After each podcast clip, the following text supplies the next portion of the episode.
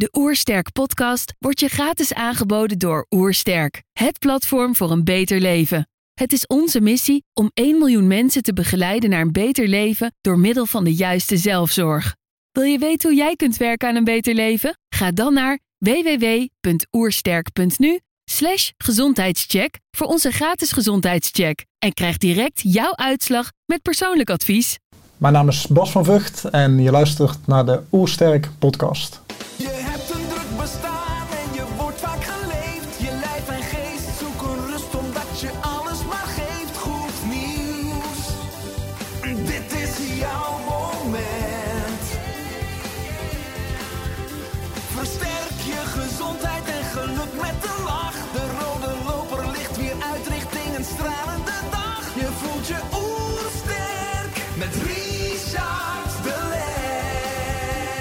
Zijn hier in Heemskerk voor een podcast met Bas van Vught.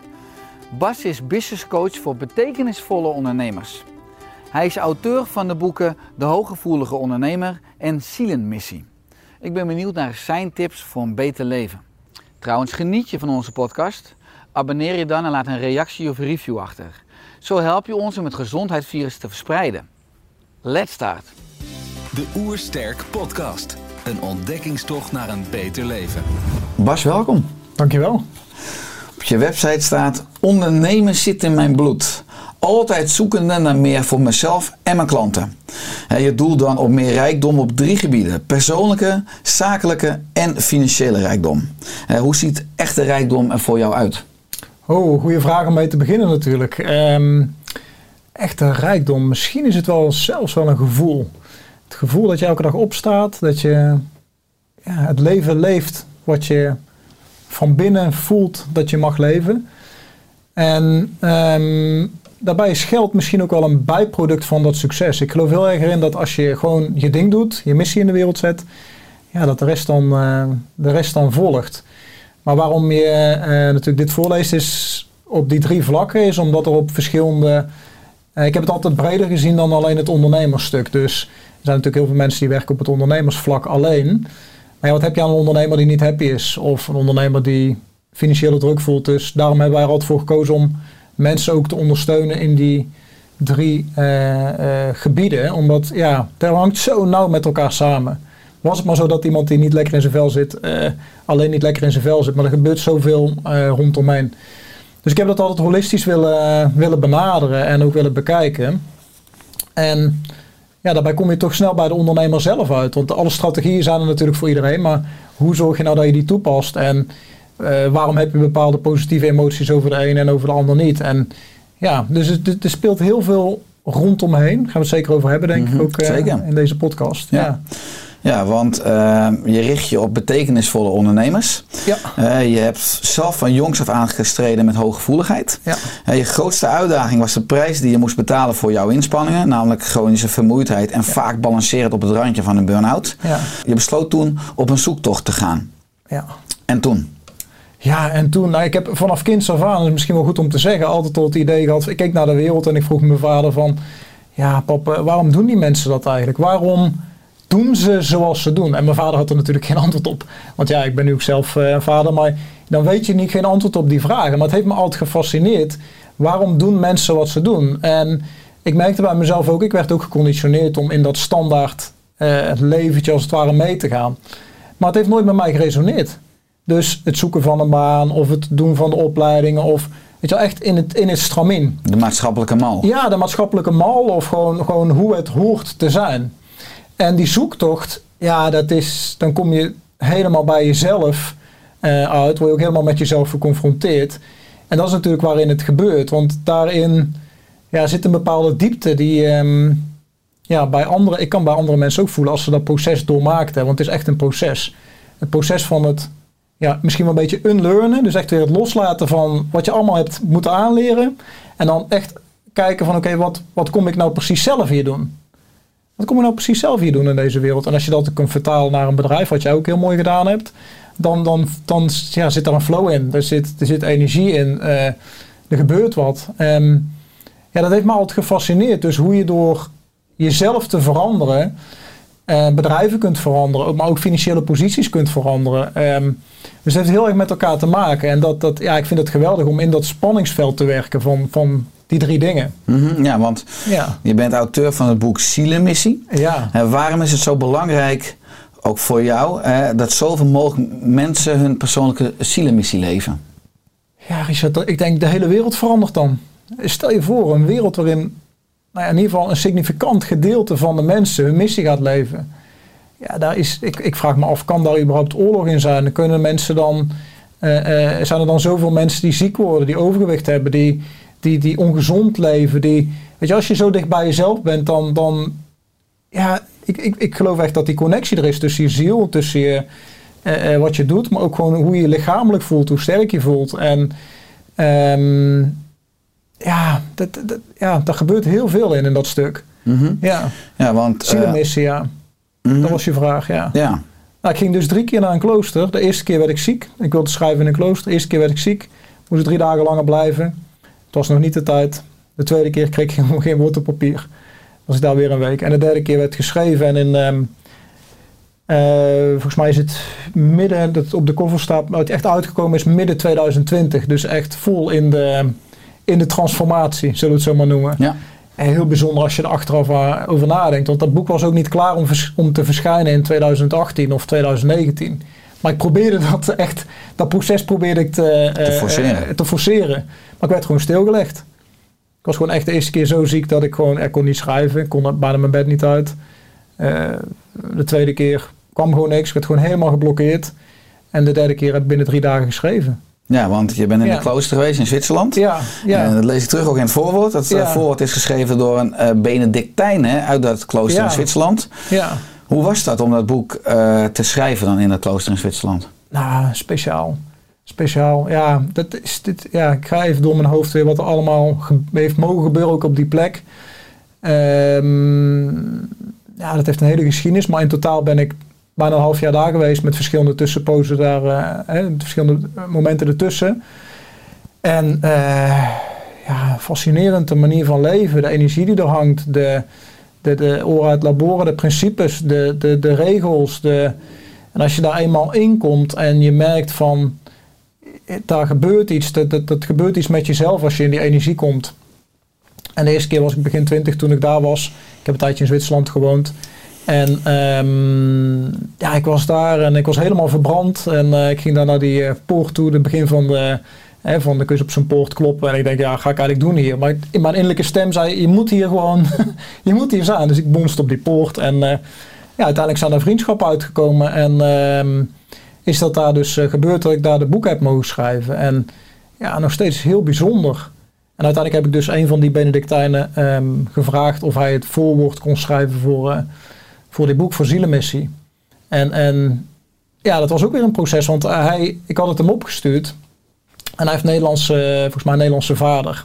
Dus in die zin eh, was het voor hem ook makkelijk om Nederlands te spreken en ook te, natuurlijk ja, te bekijken, het, manuscript. En ook, ik kreeg na drie maanden, zal ik hem eens een keer een mailtje sturen van wat is er aan de hand? Heb je het, de inleiding al kunnen schrijven, het voorwoord? En hij zegt, ja Bas, maar het komt niet uit mijn handen. En toen dacht ik van, oké, wacht even. De eerste keer was ik ziek. De tweede keer gebeurde er ook al niks. De derde, derde keer kon ik het schrijven.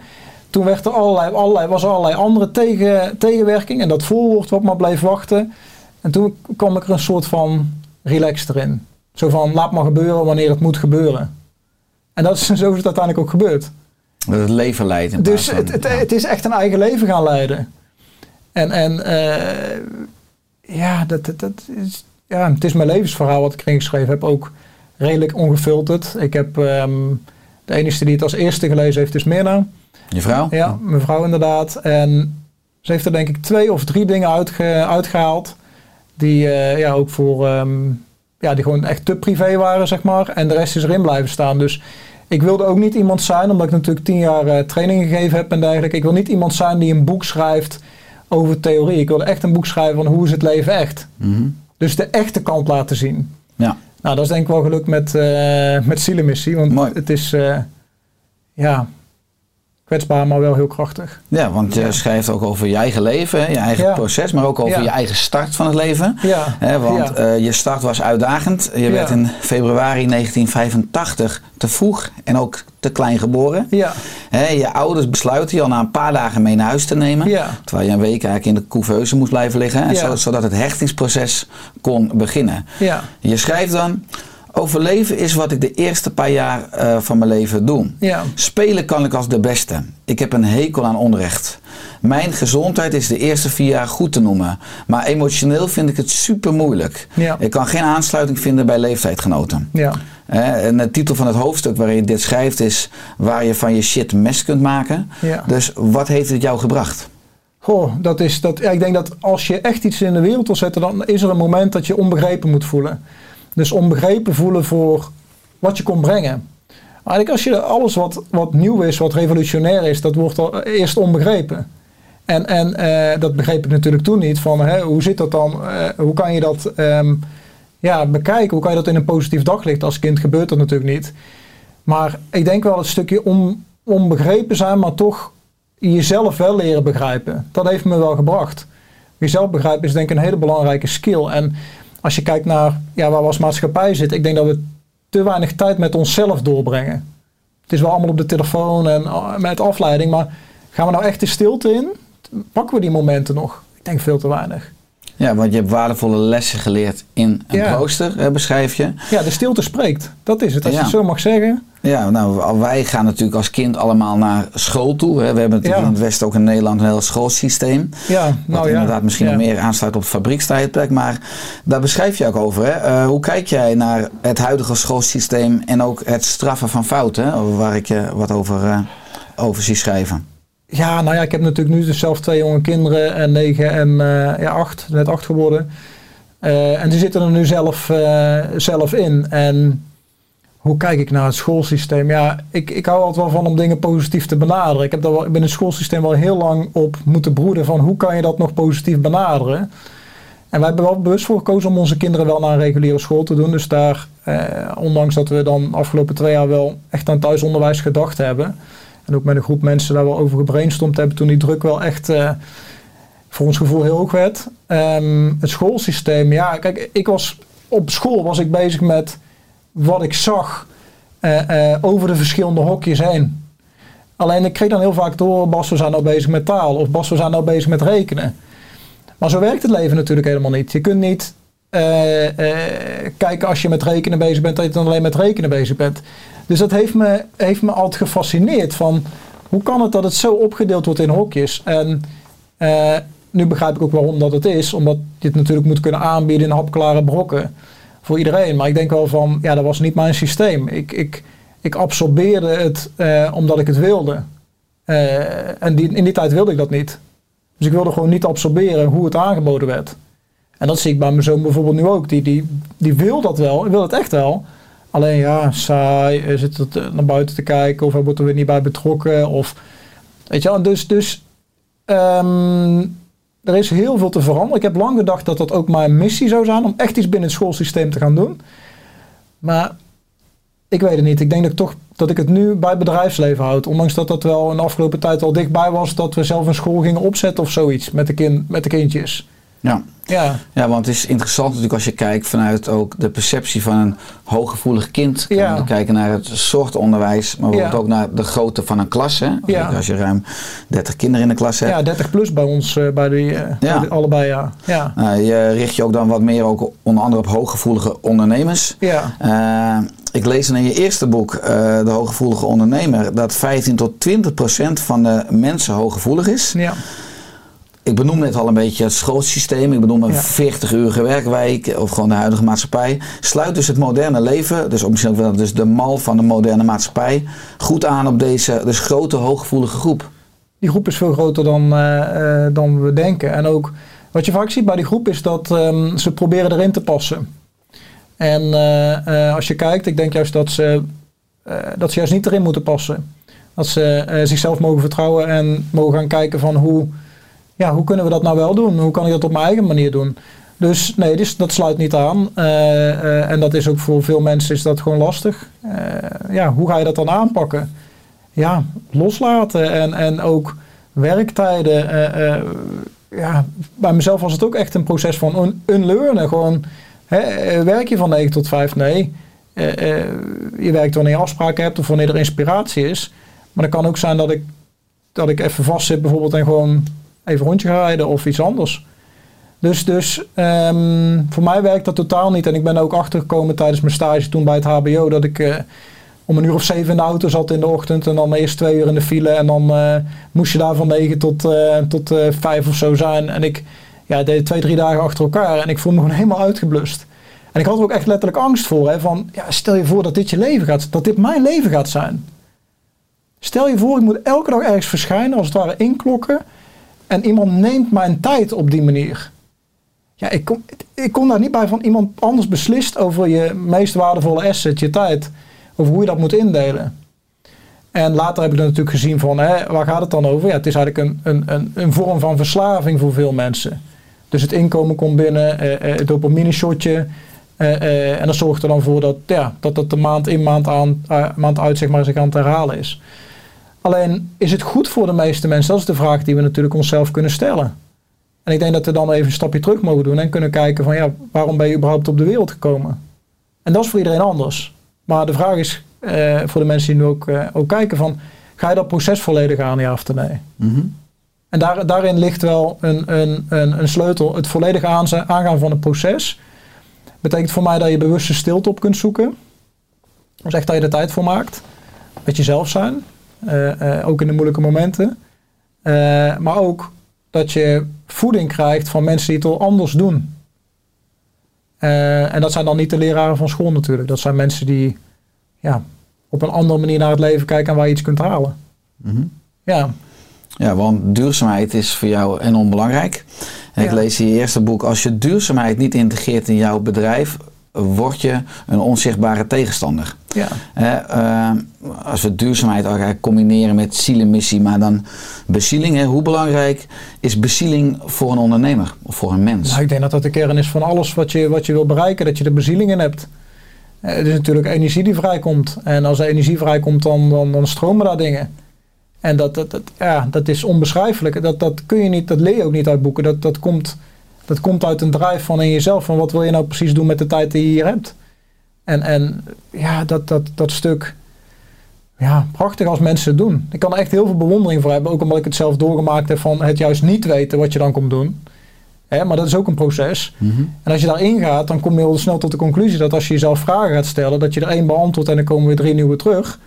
En dat proces, ja, dat blijft denk ik je hele leven lang, eh, blijft dat daar. Maar het verdiept zich wel, dat je er een soort van oké mee kunt zijn dat het er is of zo. Eerst had ik altijd, dacht ik van nou, die vragen stellen, waarom zou ik dat doen? Ik moest hem gewoon aanpassen, dat was mijn gevoel. Gaat gewoon aanpassen, je gaat ook een baan zoeken. En eh, ik weet nog dat ik eh, bij de Universiteit van Tilburg afstudeerde op eh, strategic management en strategisch management. en mijn scriptie ging over ehm, eh, strategische besluitvorming binnen bedrijven, hoe ze dat doen. Intuïtie, de rol van intuïtie daarin. En eh, ik kreeg een aanbieding om te gaan werken bij een grootbank. En ik denk, jezus, daar krijgen we het weer. Eh, eh, die, zien, die zien iets in mij, maar ik zie dat niet in hun. Weet je wel, dus andere mensen herkenden dat wel van, nou, die zou wel bij ons kunnen werken, willen graag wel die skills hebben. Maar ik voelde direct van, nee, dat, dat werkt voor mij zo niet. Maar dan moet je heel sterk in je schoenen staan om te zeggen, want iedereen gaat een baan zoeken natuurlijk, hè? bijna iedereen vanuit de universiteit. Wat ging ik doen? Ja, ik wist het niet. En dan zie je dus dat, ehm, dat de mensen, ik spreek dus nu nog wel regelmatig, de mensen die dus de makkelijke weg gekozen hebben tussen haakjes, die zitten nu vaak in de moeilijkheden. En de mensen die de moeilijke weg gekozen hebben, die zit, zijn nu vaak makkelijker. Dus de moeilijke weg wordt makkelijker en de makkelijke weg wordt moeilijker. Dat is bij veel dingen in het leven natuurlijk zo. Dat, dat ja, Dat is dus super, super fascinerend hoe dat dan werkt. En dus, dus eh, ik heb heel lang gedacht van, nou ja, ik moet dan geen moeilijke, moet de moeilijke wegen niet gaan, weet je wel. Als je daarover nadenkt en je durft juist wel die moeilijke dingen te doen. Ja, doorontwikkelen. Innovatie, doorontwikkelen, maar dan als mens, hè. Mhm. Niet alleen op bedrijfsgebied of, eh, of als werknemer, maar gewoon als mens. Telkens nieuwe dingen doen. Ja, daar, daar ga ik van aan. Dat, is, dat vind ik gaaf. Ja, Ja. maar daarin eh, durf jij ook je comfortzone op te rekken en eh out of the box te denken, maar ook Ja. te leven. Heel veel mensen Ja. zitten een beetje in de safe zone, in de rode loper die de maatschappij uitrolt. Hè, van een goede studie naar een baan. En wat je benoemt, iedere maand het loonstrookje en een shotje dopamine. Ja. Hè, wat heeft geld eh, met energie te maken en wat is voor jou financiële vrijheid?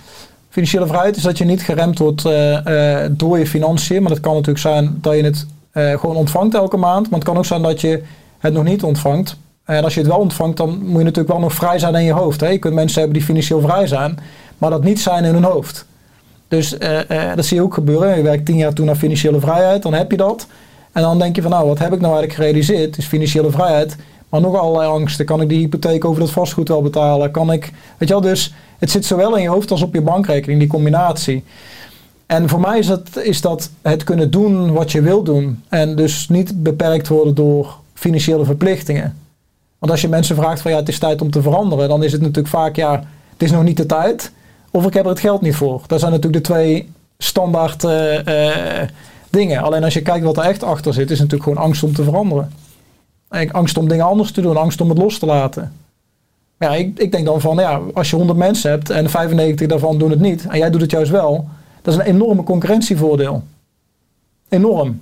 En zo heb ik de afgelopen tijd ook een, eh, wel toch wel geworsteld met het hele stuk van hè, hooggevoelig ondernemer, tien jaar gedaan, hadden vijf man personeel eh, eh, op het hoogtepunt. Eh super veel, ja, veel trainingen gegeven. Elke twee, twee weken waren we wel te vinden. Kinderen bij de oppas. En op een gegeven moment merkte van, ik van ja, dat leven dat past me niet meer. Het is tijd voor een nieuw jasje. Nou ja, het is natuurlijk heel makkelijk om iets los te laten wat kloten gaat. Maar iets loslaten wat goed gaat, dat is even iets heel anders, andere koek.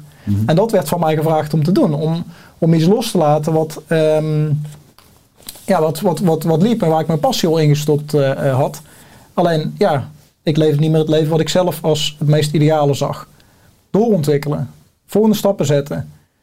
En toen ben ik het steeds meer los gaan laten. En dan zijn die, die, eh, die volgende stappen ook uit voortgekomen. Ja, Ja, want dat heeft geleid tot dan het nieuwste boek Zielemissie. ja, Eh, daarin geef je ook aan dat eh, veel mensen in de overlevingsmodus leven.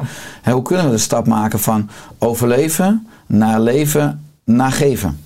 mooie, mooie vraag. Ja, overleven, leven, geven. Ja, als je bij geven uitkomt, denk ik dat dat, dat gaat, gaat puur en alleen over talent. Dus als je kijkt naar de nieuwe wereld die we natuurlijk met z'n allen aan het vormen zijn. Ja, dat is talentbuilding. Dat is, dat is voelen waar jouw stuk ligt. Wat kan je het mooier maken? Hoe kan je het mooier maken? Dat gaat niet meer over jezelf. Maar dat gaat over dienstbaar zijn.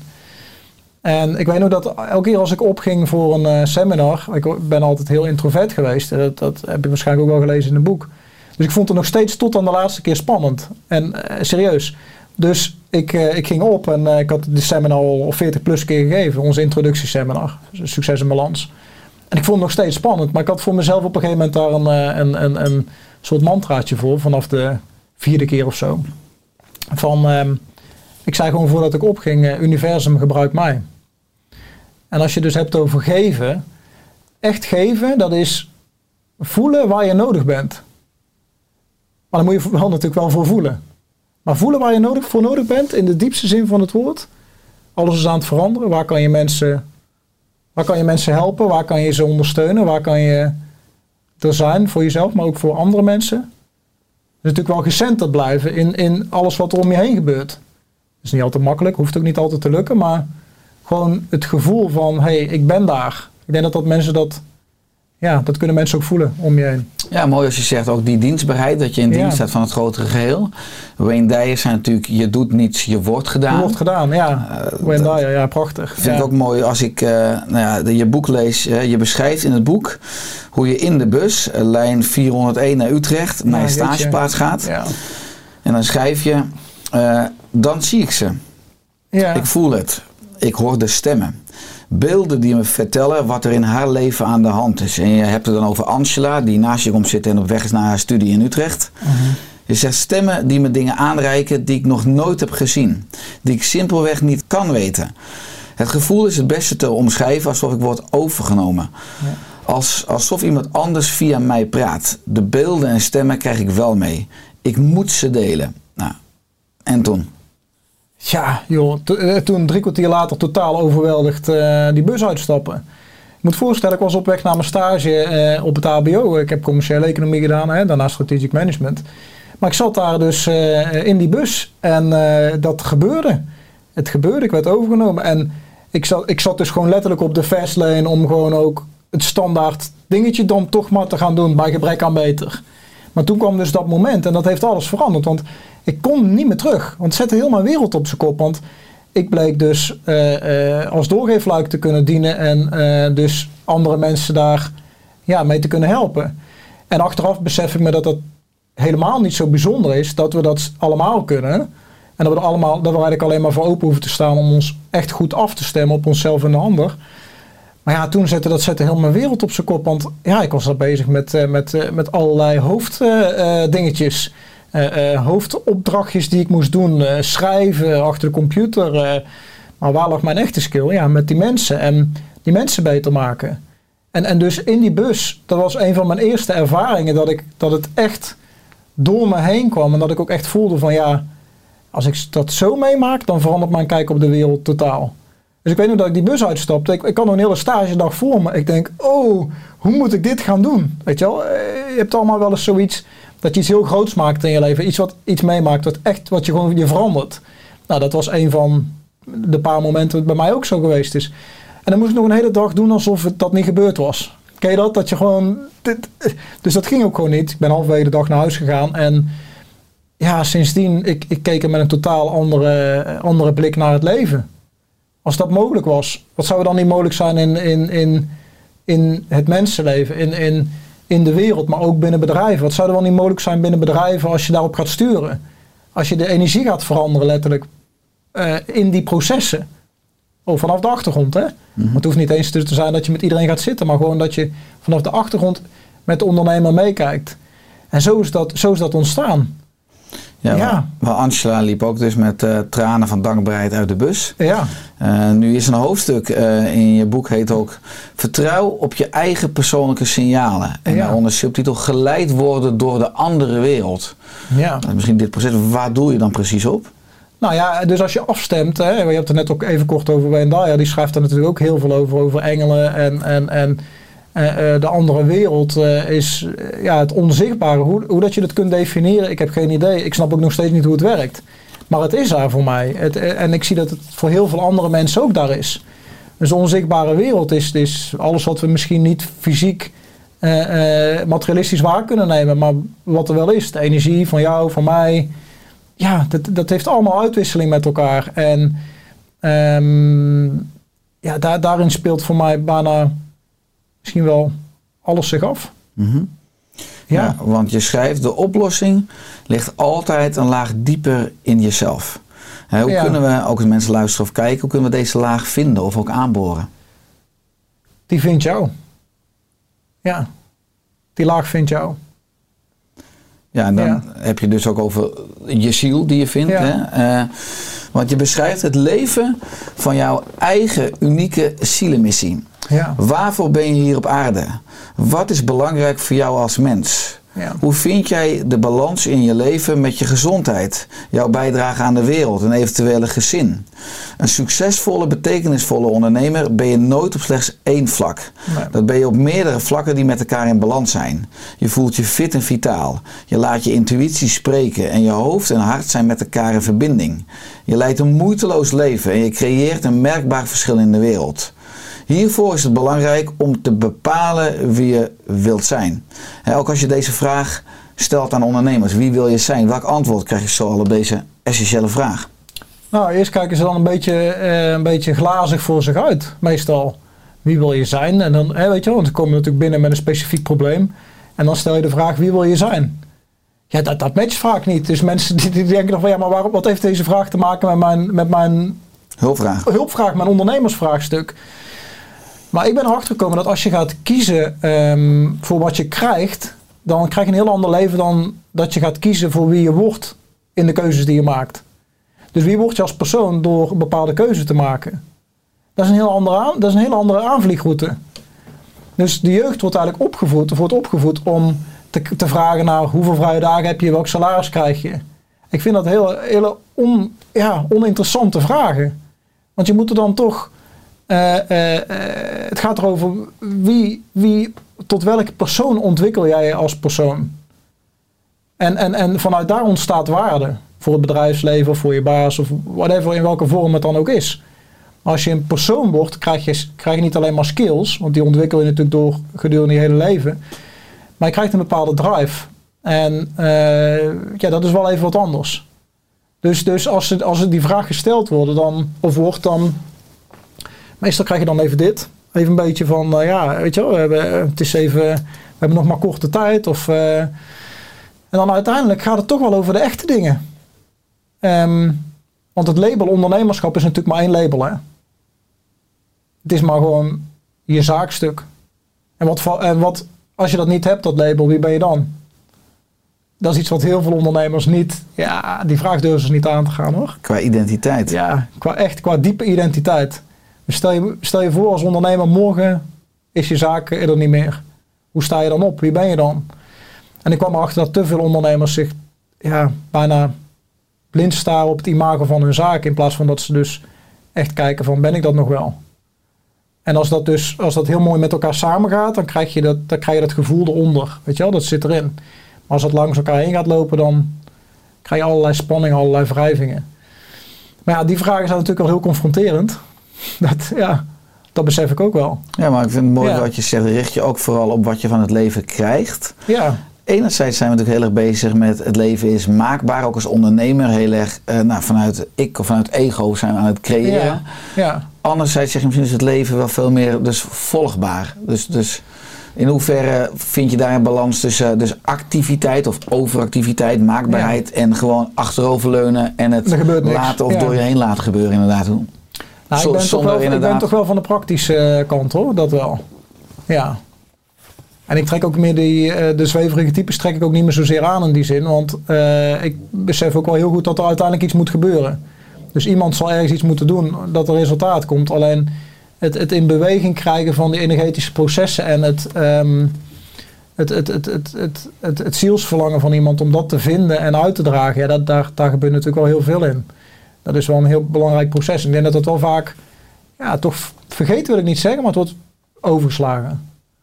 Mensen ze vergeten het echt niet. Ze weten ook wel wat eronder ligt, maar of ze het helemaal bewust zijn om dat eh, na een tijdje nog even te checken. En dan komen ze natuurlijk van ja, maar het loopt niet lekker of het gaat net niet zoals ik wil. En dan moet steeds meer moeite ingestoken worden om hetzelfde resultaat te krijgen. Meer moeite, meer moeite, meer moeite, meer stress. Ja, Ja, maar wat ik mooi vind is dat je het boek Zielenmissie afsluit met ter afsluiting schrijf je doe ik nog een klein ritueel in de kerk ja, om het af te leren. We zegenen het boek over de zielenmissie en alle mensen die ermee in aanraking komen. Dus ook onder andere nou, ik en alle luisteraars en kijkers nu. ja ik krijg Mijn- kippenvel trouwens als ik dat, eh, ja, bizar. Mooi, ja. Is, eh, Ja. Mijn hart is vervuld. Mijn liefde is bij jou, de lezer. Ja. Van een zoekende ziel voor een zoekende ziel. En wat voor reacties krijg je van andere mensen, dus andere zielen, op dit boek? Oh ja, dat, is, dat zijn hele persoonlijke vragen. Hele persoonlijke verhalen, vragen, herkenning ook veel. Eh, het is natuurlijk wel geschreven voor die groep die zoekt. Dat is wel zo. Ehm, en als je zoekt, dan ja, die reacties van mensen, dat is, ja, is heel bijzonder. Ze nemen dan, je krijgt ook geen mailtje met één regel. je krijgt een mail met twee pagina's, zeg maar. En dat snap ik ook, want als mensen dit kunnen voelen, dan, ehm, ja, dan voel je dat het niet over mij gaat. Ik heb natuurlijk wel mijn levensverhaal daar voor een belangrijk deel opgeschreven, maar het gaat echt over die mensen die durven te zoeken. Want die eer ik. De mensen die durven te zoeken, die, die eer ik. Echt, dat meen ik, want dat is de moeilijke weg op het begin. Maar het wordt wel makkelijker omdat je, je bent jezelf. Dus je bent niet meer verlamd door tegenslag, maar je bent ook niet meer super blij met succes. Dat maakt niet uit. Je doet gewoon je ding. Het is gewoon steady. betekenis, ja. Maar Ja. interessant, mensen die zoeken, hè, want de vraag Ja. is natuurlijk filosofisch, zoekt de mens of zoekt de ziel? Hè? Wat zoekt Ja, de ziel in essentie? Oh, diepe vraag. Goeie diepe vraag. Wat zoekt de ziel in essentie? Ik denk toch wel groei. Groei. Ja, dus de grootste overwinning is ook de overwinning op jezelf natuurlijk. En als je kijkt in het boek, ja, dan zie je dat ik eh, ja, mezelf heb moeten overwinnen. Echt overwinnen. En dat, dat is niet van nou ik ga die studie doen, maar dat zit op, op, op in het reinen komen met wie je echt bent. Met wie je echt in de kern bent. En dat is, ja, ik denk dat dat een van de moeilijkste processen is die we als mens aan kunnen gaan. Echte, echte acceptatie wie je bent. En soms is dat nog steeds niet zo, maar ik besef wel van, als je kijkt naar zingeving en al die stukken die daar spelen, er zijn heel veel vragen die komen, maar ook weer heel veel antwoorden. En geluk en zo is natuurlijk iets wat heel moeilijk te vatten is. Het is, hoe pak je dat vast? Ja, misschien wel door alleen in het moment te zijn en te genieten van alles wat er gebeurt. En, en te beseffen dat je aan het groeien bent als mens en als ziel. Want ja, ik denk wel dat we al- als ziel een menselijke ervaring meemaken. Dus niet omgekeerd. Dat we hier zijn in een, in een lichaam. Je hebt dat lichaam, ik heb dit lichaam nu gekozen, weet je. Moet er heel goed voor zorgen en zo. Maar het is uiteindelijk alleen maar een vehikel om te komen tot, eh, tot groei van je ziel en eh, liefde voor de medemens. En zo heb ik ook altijd naar, naar het zakenleven gekeken. Van, voor mij is ja, bedrijfsleven of zaken doen is een vorm van liefde voor mij. Ja. Ja. Ja, dat is mooi, want eh, indirect Als je het echt kunt voelen vanuit jezelf. Echt Ja. in de diepte. Zeg je van eh, de ziel zit niet in het lichaam, maar het lichaam zit in de ziel. Hè? Ja. Als, je, als je dat ook omdraait, hè? we zijn Ja. spirituele wezens met een menselijke ervaring. Ja, Eh, de grote uitdaging is dus om van zelfafwijzing naar zelfliefde te gaan. En, en eh, complete acceptatie en aanvaarding. ja, Als je het hebt over, nou, dan misschien dus de driehoek lichaam, geest, ziel, ook, ook zuiver houden. Want dan schrijf je in je eerste boek ook over hoe kunnen we ook ons lichaam zuiver houden. Je hebt het over koffie, je hebt het over eh, televisie, je hebt het over alcohol, je hebt het over suiker, je hebt het over Ja. wifi. Er komen heel Ja. veel aspecten terug. ja, nou ja, dat, eh, ik denk dat de luisteraars en eh, kijkers beter daarbij bij Oersterk kunnen zijn natuurlijk. Want dat is niet mijn expertise. Maar ik heb daar zelf wel het een en ander over ontdekt. Wat bij mij wel werkt. Ik sta gewoon op met een bepaalde routine bijvoorbeeld. En dat is vier keer in de week gewoon even wat sporten. Of even wat, wat stretchen, wat yoga. Ja, koud, eh, koud douchen. Ik heb zo'n dompelton eh, buiten. Die eh, nog steeds elke ochtend nog steeds niet aangenaam is. Dus voor de mensen die denken, nou dat wordt op een gegeven moment aangenaam. Ja, als je eruit bent, niet als je erin zit. En ehm, ja, de dag goed starten. Jim Rohn zei het zo mooi, de mentor van Tony Robbins. Die zei, you can get through the day or you can get from the day. Krijgen van de dag. En dat vergt wel voor jezelf dat je erin gaat. Zo in de diepte. Dat je het gaat, gaat opzoeken of zo. Ja, dus als ik naar mezelf kijk, als ik het opzoek, dan gebeurt het altijd. Dus je had net even over het spanningsveld tussen eh, achteroverleunen en echt iets doen. Eh, voor mij is het, eh, en dat merk ik ook nu met mijn nieuwe stuk, mijn nieuwe stuk wat is mogen ontstaan, is echt iets wat ja, universeel gedragen wordt. Ik kan het niet uitleggen, maar de, de, de, de, de mensen die het moeten herkennen, herkennen het. En die weten het ook, die geven je een podium. En, en ja, weet je. Dus, dus het wordt gedragen. En dat is een hele bijzondere gewaarwording. Ik kan ook best wel eens emotioneel over worden van... Oké, dus ik ben hier en ik mag dat doen. Ik mag dat doen. Zo voelt het. Ik mag dat doen. Voor die mensen die open zijn. Als je dan kijkt wat er allemaal mag veranderen vanuit... Het is een olievlek. En ja... Ja, Ja, wat mooi is om eh, ook gedragen te worden, is het ook goed dat je meer rust en ruimte in je leven hebt. ja, Eh, je neemt regelmatig een week hersenvrij. ja. Vaak bij de Benedictijnen inderdaad. Ja. wat doe je dan? Wat is een week hersenvrij? Normaal is omdat een moderne mens gewoon ja, druk, druk, druk is. Ja, nou ja, ik, ik kan daar dus niet goed tegen, want ik word er daar overprikkeld door. En het gevolg is dan bij mij heel raar dat ik nog meer naar mijn smartphone ga zitten te grijpen. Alsof er een of andere ontspanning komt uit de telefoon. Dus eh, ik heb voor mezelf afgesproken van nee, ik moet gewoon eh, regelmatig terug. Terug naar mijn kern. En wat doe ik dan zo'n week? Ja, vooral helemaal niks. Beetje wandelen in de bossen. eh, wat lezen, soms wat schrijven. Maar voor de rest eh, niet zoveel. Ja. Dat is echt een week hersenvrij, hoe je dat noemt. Hè? Ja, prikkel, prikkelarm. En als je dus prikkelarm bent, hoe kan je dat zeggen? Dan is je mandje leeg, dus er kan weer iets bij. Er kan weer iets bij van jezelf, een nieuw idee, een nieuw, eh, een nieuw boek in dit geval. Of een, ja, Ja, want is het ook jouw missie om zelfvoorzienend te worden? nou dat heb ik, dat heb ik wel eens, eh, dat passeert wel steeds vaker de revue ja, bij mij. Ja. Ik heb ook wel eens gedacht om, eh, om een huis te kopen aan de Costa Brava en lekker daar naartoe te gaan en de boel de boel te laten. Maar ik voel ook nog steeds wel van, ik ben ook wel hier nodig.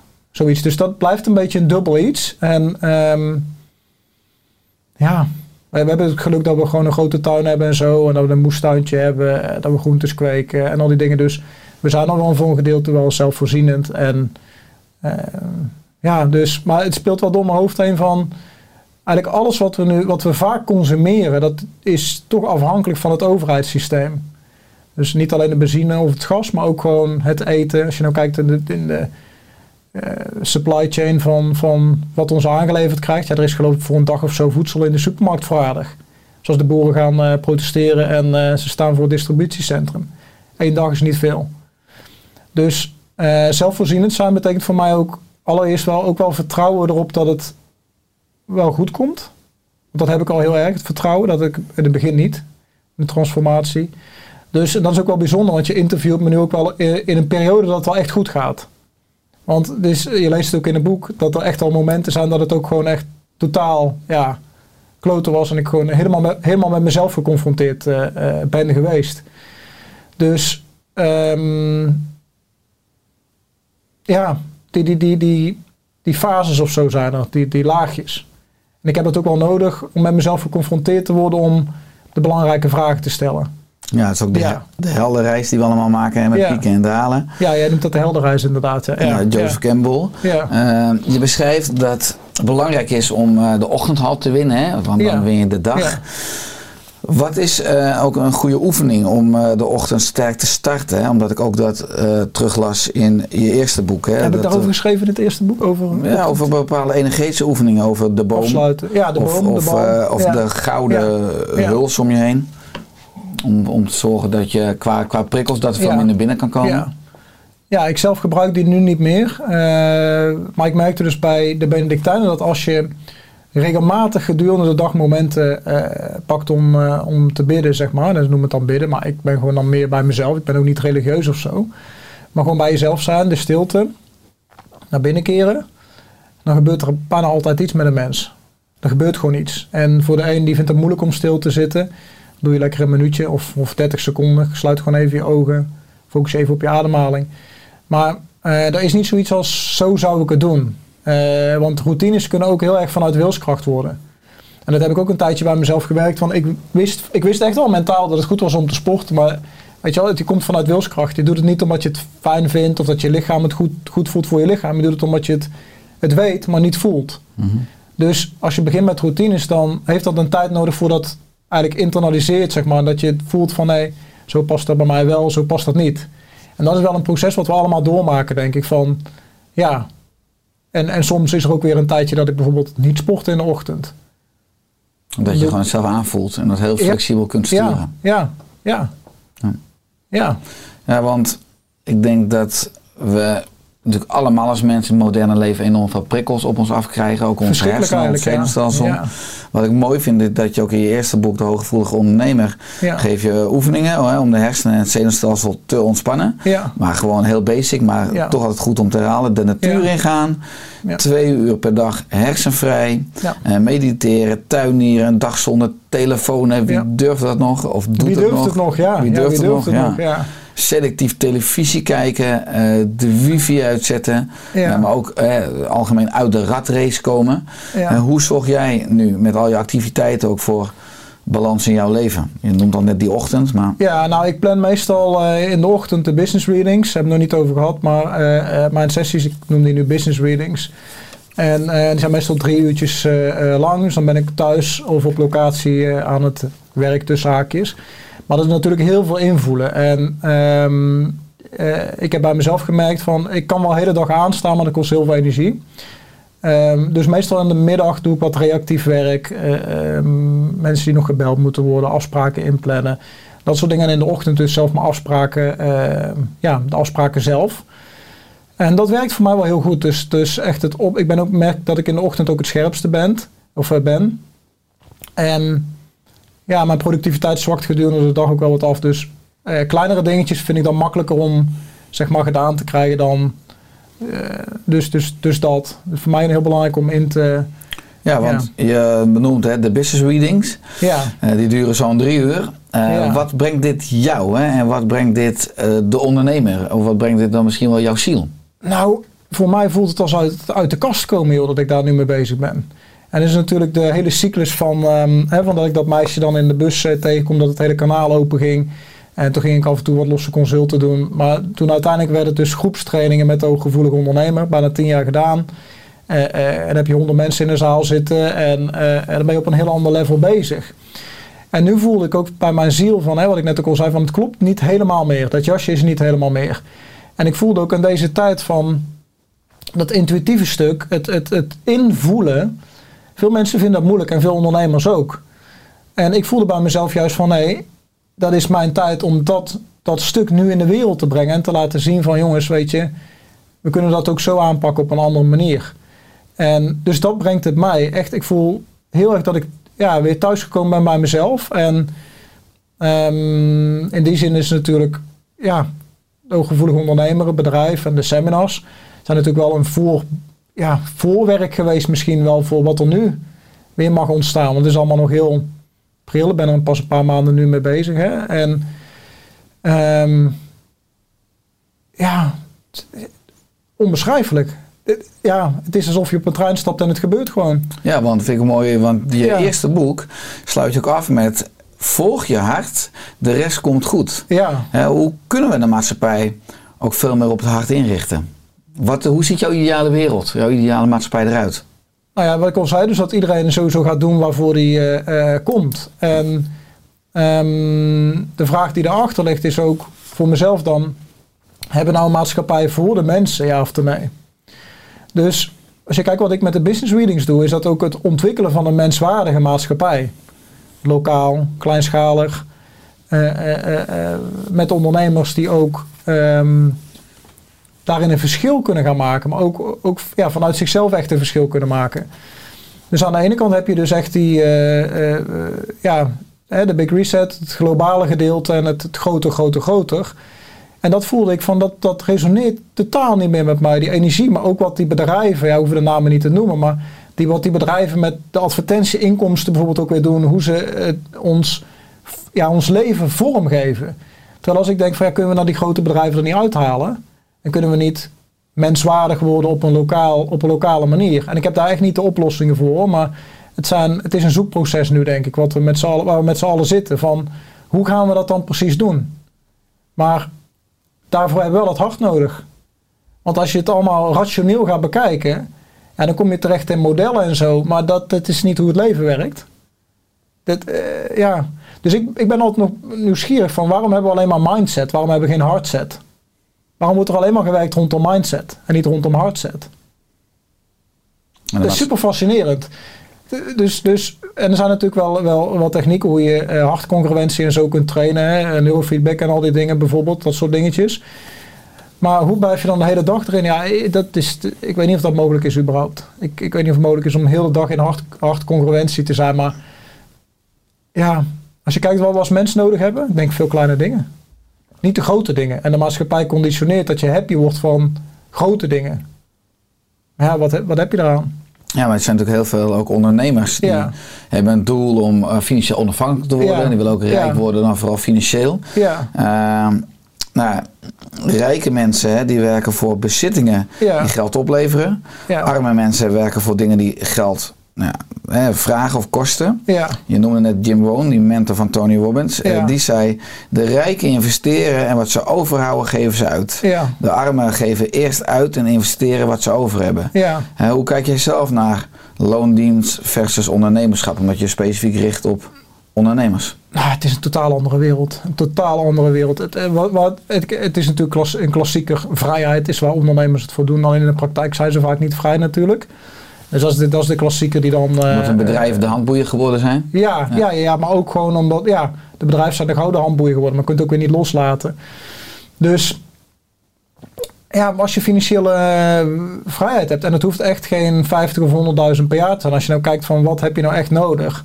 Echt, echt, echt als mens, een dak boven je hoofd, goed eten, misschien een vervoersmiddel, wat persoonlijke ontwikkeling, eh, maar goed eten vooral, dat is, ja, dat hebben wij ook altijd gedaan, een goed biologisch eten. Ook toen we nog niet zo eh, financieel nog niet ruim hadden. Ehm, maar ja, het, het, het, stuk van het werken voor financiële vrijheid. Ik zie dat in de praktijk voor veel ondernemers een illusie is. Dus ze komen daaruit en ze realiseren zich van, jeetje, de kinderen zijn al groot. Eh, ik heb eh, bijna geen tijd met ze doorgebracht. Dan ben je financieel vrij en dan. Dus het is uitkijken geblazen voor een ieder dat we niet werken voor de illusies die opgeplakt worden door de maatschappij. En hoe je dat dan zogenaamd kunt ontvluchten. Want dat is natuurlijk hè, red race escape plan. Financieel vrij worden en werk je niet meer in de red race. Maar het kan net zo goed een red race zijn. Dus, dus dat speelt zich af ook in, in, in, in, in je hoofd, denk ik. En, eh, en, en daar loskomen, loskomen daarvan. En, ja, en dat is voor iedereen, voor iedereen anders. Maar het eerste stap is wel om te beseffen in wat voor systeem we eigenlijk werken. Met die dopamine shotjes, die, die afhankelijkheid van, van het weggeven van je tijd. En op zich heb je, daar, heb je daar niks tegen. Als je echt je passie leeft en je bent, bent bij een bedrijf aangesloten wat helemaal ja, echt yes voelt om s ochtends naartoe te gaan, prima. Alleen in de meeste gevallen, dat weten jij en ik ook, dat is dat niet zo. Mensen doen het gewoon voor hun vaste lasten te betalen en dan van vakantie naar vakantie toe. En ik kan daar geen oordeel over hebben, maar ik kan wel zeggen dat het voor mij eh, zelf niet zou werken. Ik zou het voor mezelf heel, ja, ehm, ik zou, mijn ziel zou gewoon doodgaan in dat proces. En, en ja, ik, ja, als ik erover nadenk, het lijkt mij verschrikkelijk.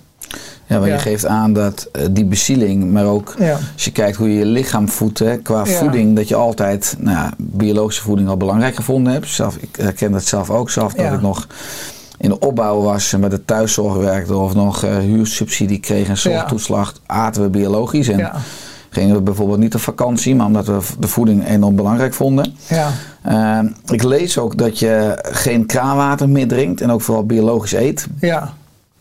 Waarom is het zo? Ja, nou ja, dat, dat, dat klinkt misschien een beetje gek, maar voor mij voelt het totaal anders, eh, gezuiverd water of niet.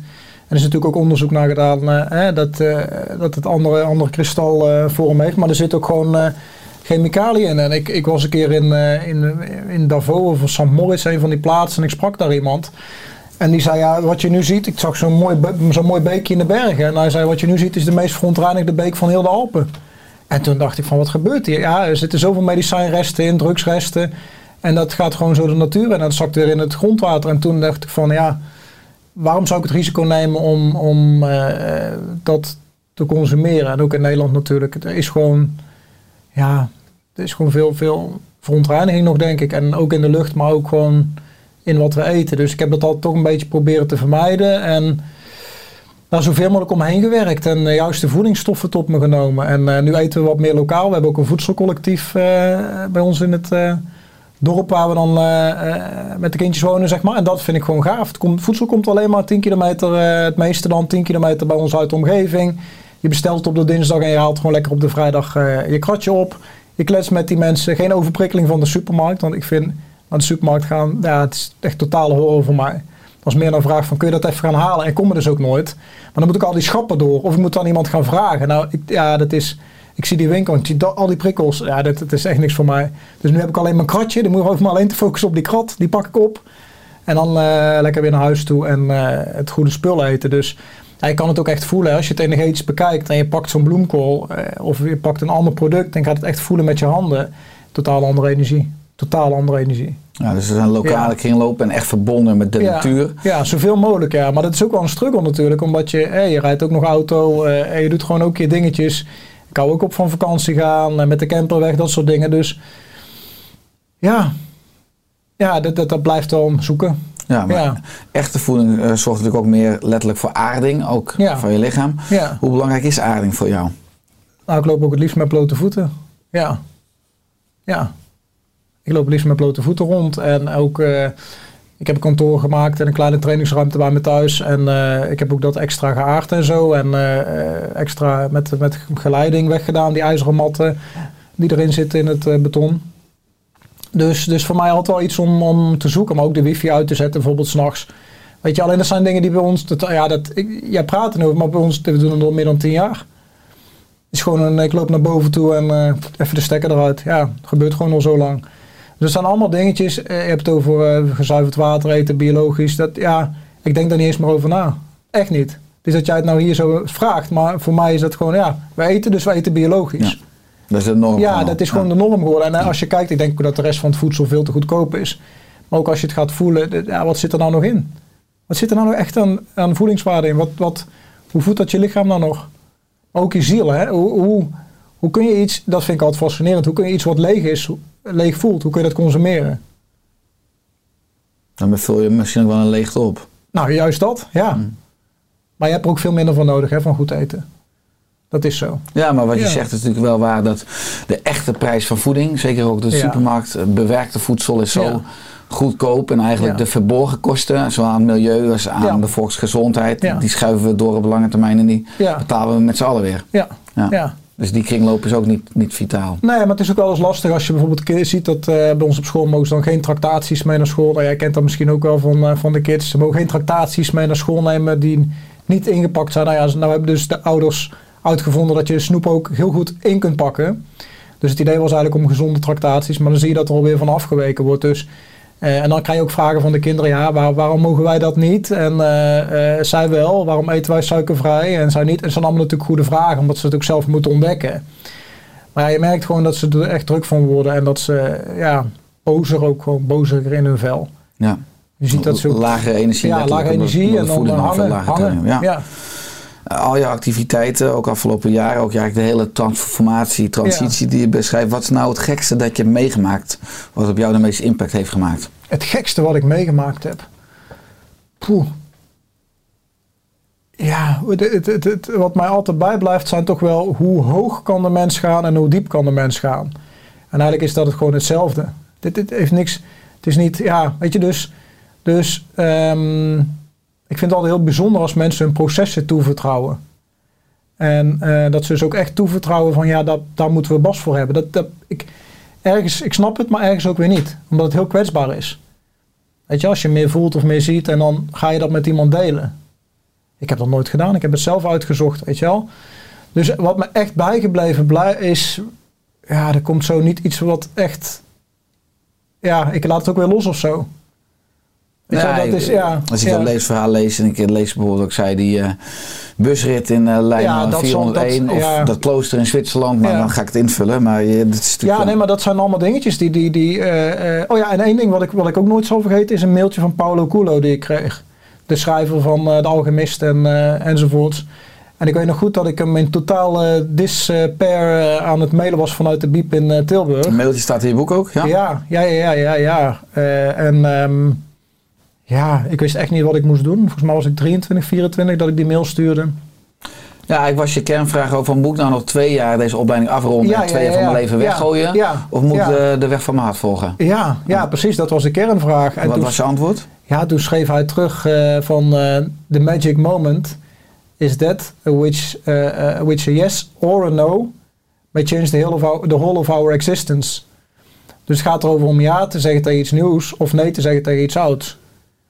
En dat heb ik altijd heel fascinerend gevonden, ook tijdens de seminars. Want mensen komen dan natuurlijk naar je toe, wat moet ik doen? Dat heb jij ook, wat moet ik doen? Maar mijn vraag was altijd, laten we eerst kijken wat je niet meer moet doen. En dat is hier ook. Dus eh, mensen laden vaak allerlei nieuwe dingen op hun, eh, op hun to-do-lijst. En maar de oude dingen die, die, die niet verder helpen, die zitten er ook nog op. Waardoor het veel te vol wordt.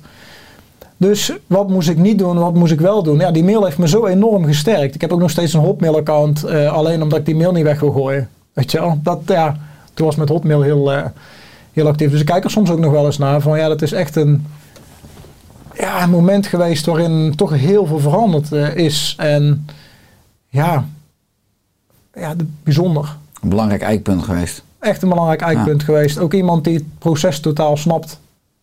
Weet je wel, iemand die ook zijn hart gevolgd heeft, wat niet makkelijk geweest is, maar ook uiteindelijk dan succesvolle schrijver wordt. Maar, maar ja, natuurlijk een moderne shamaan. Natuurlijk als je zijn boeken leest, is gewoon, Ja. is gewoon kunst. Prachtig. Ja. Dat is, ja, maar ook met, is woorden, met woorden spelen, maar ook met emotie Ja. eh, spelen. Ze kan je Ja. ook niet vanuit je hoofd schrijven, ze kan ook alleen maar vanuit je ziel schrijven. Ja. Ja, nou ja, ik zou het wel kunnen, denk ik, vanuit mijn hoofd schrijven. Alleen dan wordt dan eh, papers of zo, weet je wel. eh, Dat soort dingen voor universiteitsstaf. Ja. Ja, Maar als je zijn boeken leest, De Alchemist noem je. En ja. Hij, ik heb een aantal boeken van hem, maar dat is gewoon, eh, dat zijn, waar je het boek ook openslaat, weet Je je, pakt meteen iets. die één pagina, Ja, is in iedere ja. pagina zitten lessen. Ja, Ja. prachtig. Maar wat, wat is jouw missie of droom voor aankomende jaren? Nou, dat we meer vanuit ons hart gaan leven. En dat we ook ehm, de maatschappij wat anders, wel, wat anders in gaan richten. Dus echt ehm, elkaar wat meer gaan vinden. Denk ik. Meer vanuit respect gaan komen. In plaats van elkaar dingen op te willen leggen over hoe we moeten leven. Maar ook ehm, dat we meer dingen zelf gaan organiseren. Dat we niet gaan wachten op, eh, op wat regeringen voor ons in petto hebben. Maar dat we het lokaal zelf gaan doen. En ja, ik kijk uit naar die bedrijven ook die daar echt een, ja, een switch in willen gaan maken. Die echt voelen van, ja, dat is mijn positie. Want ja, er is natuurlijk een heel bekend boek, ook als je het over marketing hebt, wat wij dan ook op de universiteit heel vaak eh, aangehaald wordt. Dat is de Blauwe Oceaan, dat ken je waarschijnlijk ook wel. Dus dan gaat het over van, de Red Ocean is meer het terrein waarop je concurreert met alle anderen. Maar wat is nou jouw Blue Ocean, jouw Blauwe Oceaan, waar eigenlijk niks te beleven is, waar je unieke positionering plaatsvindt. En ja, bedrijven mogen daar denk ik wel naar op zoek gaan, strategisch gezien. Dat ze echt gaan kijken van ja, wat is nou mijn.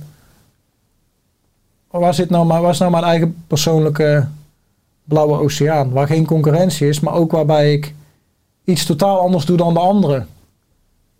Dat is eigenlijk mooi. hè? Dat is heel mooi. Hè? Ik had net ook voordat ik hier naartoe kwam iemand aan de lijn. Die zegt ja, ik voel me nog zo sterk aangetrokken tot het oude, maar ook tot het nieuwe. Maar ik ben altijd al een beetje rebels geweest. Ik zeg yes, meer rebels. Meer rebels, please. Weet je wel, dus, dus ehm, het is ook een proces waarin, als je nou kijkt of luistert, dat je ook voelt van, ik mag mezelf meer omarmen. Eigenlijk alles wat raar is aan mezelf, mag gaan onderzoeken, heeft dat enige maatschappelijke functie. Dus die vragen die je stelt, die vragen die ik ook gesteld heb, die zijn lang in de kast blijven liggen of zo. Die, die, die stopte ik weer weg. Maar toen ik ze ging, eh, ging omarmen, dat anders denken, toen besefte ik van hé, maar dat is, dat is mijn kracht. Anders denken, anders voelen, totaal andere, andere manier van kijken. Prachtig. Als je dat als mens kunt doen. En, en dat kunnen wij als leiders, eh, van de mensen die nu luisteren en kijken, als dienende leiders in de transitie, kunnen wij dat gaan kijken. Wat, wat, wat is daar? Wat, wat is daar nou echt? Een concept, een, een idee, een, een, iets nieuws, iets wat ontstaat. Ja, geweldig als je daar het lef voor hebt om dat te doen, maar ook dienend te zijn in dat proces. Maar dat is de uitdaging aan ons allemaal. Ja, maar ook, ik besef ook heel goed, eh, Richard, dat als wij, wij zijn met een groep eh, die een tipping point kunnen veroorzaken. En dat tipping point, we weten het allemaal, ligt iets boven de 10%. Dus je hebt echt niet alle mensen nodig. Vaak denken mensen dat. hè, Je hebt alle mensen nodig om een maatschappij anders te maken. Maar dat is niet zo. Dat is niet zo. Je hebt een groepje mensen nodig die het helemaal anders doet. En die dat als standaard gaan zien en de mensen volgen. Ja, die revolutie van onderaf is in volle gang gelukkig. Ja, prachtig. Echt geweldig. point, Geweldig. En dat, dat, in die zin kun je liefde ook niet controleren. hè. Kun je ook niet controleren. En, en eh, ik zie dat nu wat er nu allemaal gebeurt. Dus maar, ja, mensen die worden steeds vrijer doordat er aan hun wortels geschud wordt. En dat is natuurlijk heel erg mooi. Dat sommige mensen moesten er ook echt even los van geschud worden. En ja, als tegengewicht tegen de, alles wat eh, globaal is, zeg maar, ja, ontstaat eh, missie. Zielenmissie, de diepte in. Echt voelen, wat kan ik toevoegen? Ja. Mooi. Bas, waar kunnen mensen meer vinden over jou, over je business readings, over je diensten, over je boeken? Ja, ze kunnen bij basvanvucht.nl eh kijken. Dat is mijn nieuwe website. En ehm, Vught met GH. ja, G, eh, GT. V-U-G-T. Ja. V-U-G-T, zonder H. Ja, zonder H. Oké, en dat is excuses, Ja. verkeerd. Ja. Ja. En ehm, dus vugt.nl. En eh, ja, als ze geïnteresseerd zijn, kunnen ze ook een keer een mini, eh, mini-reading boeken. En mijn hoofdproduct is nu geworden de business readings, waarbij ik met bedrijven de diepte in ga. En ehm, ja, ik ben dat ook gewoon nog aan het ontdekken, Richard. Weet je, het is een nieuwe, nieuwe manier van doen. En, en laatst kwam bijvoorbeeld iemand naar me toe en die zegt: Ja, die, eh, eh, die functioneringsgesprekken die vind ik altijd zo saai. Eh Bas, zou je daar eens even kunnen op, op kunnen invoelen? Hoe zou ik dat nou anders kunnen doen? Dus hebben we al die, al die medewerkers daar gepakt, even op een stapeltje gelegd. We zijn ze allemaal eens even in gaan voelen. Van hoe kun je nou die mensen als ondernemer, hoe kun je die nou iets bieden wat in hun ziel zit, wat in hun zielenpad zit. Iets voorleggen wat in hun zielenpad zit. In plaats van te zeggen, nou, jij hebt die functie, jij hebt dat. En, en weet je, dat is zo'n oud denken. Van dit moet er gedaan worden, dat koppelen we maar aan die. Maar als je er nou in gaat voelen en je gaat eens even, even een stapje terug. En gaat die mensen echt, echt kansen kiezen die dicht bij hun zielenmissie ligt. Ja, dat is, dat is, dat, en dat soort dingetjes allemaal. Dus dat, ik ben ook nog gewoon in ontdekking van hoe, hoe is dat dan allemaal? Hoe kunnen we dat allemaal op die nieuwe manier aanpakken? En dat is ja, voor mezelf fascinerend, maar voor de klant natuurlijk ook. Want het is ontdekken. Echt puur ontdekken. Mooie reis. Ja, zo voelt het ook. Maar- Ja, Dank Bas voor je komst in de Oester podcast. ja. Ga door met je mooie werk. En dat we samen mogen werken aan een wereld eh, waar iedereen zijn zielenmissie leeft. ja, daar gaan we voor. Prachtig. Dankjewel voor de uitnodiging. Met liefde.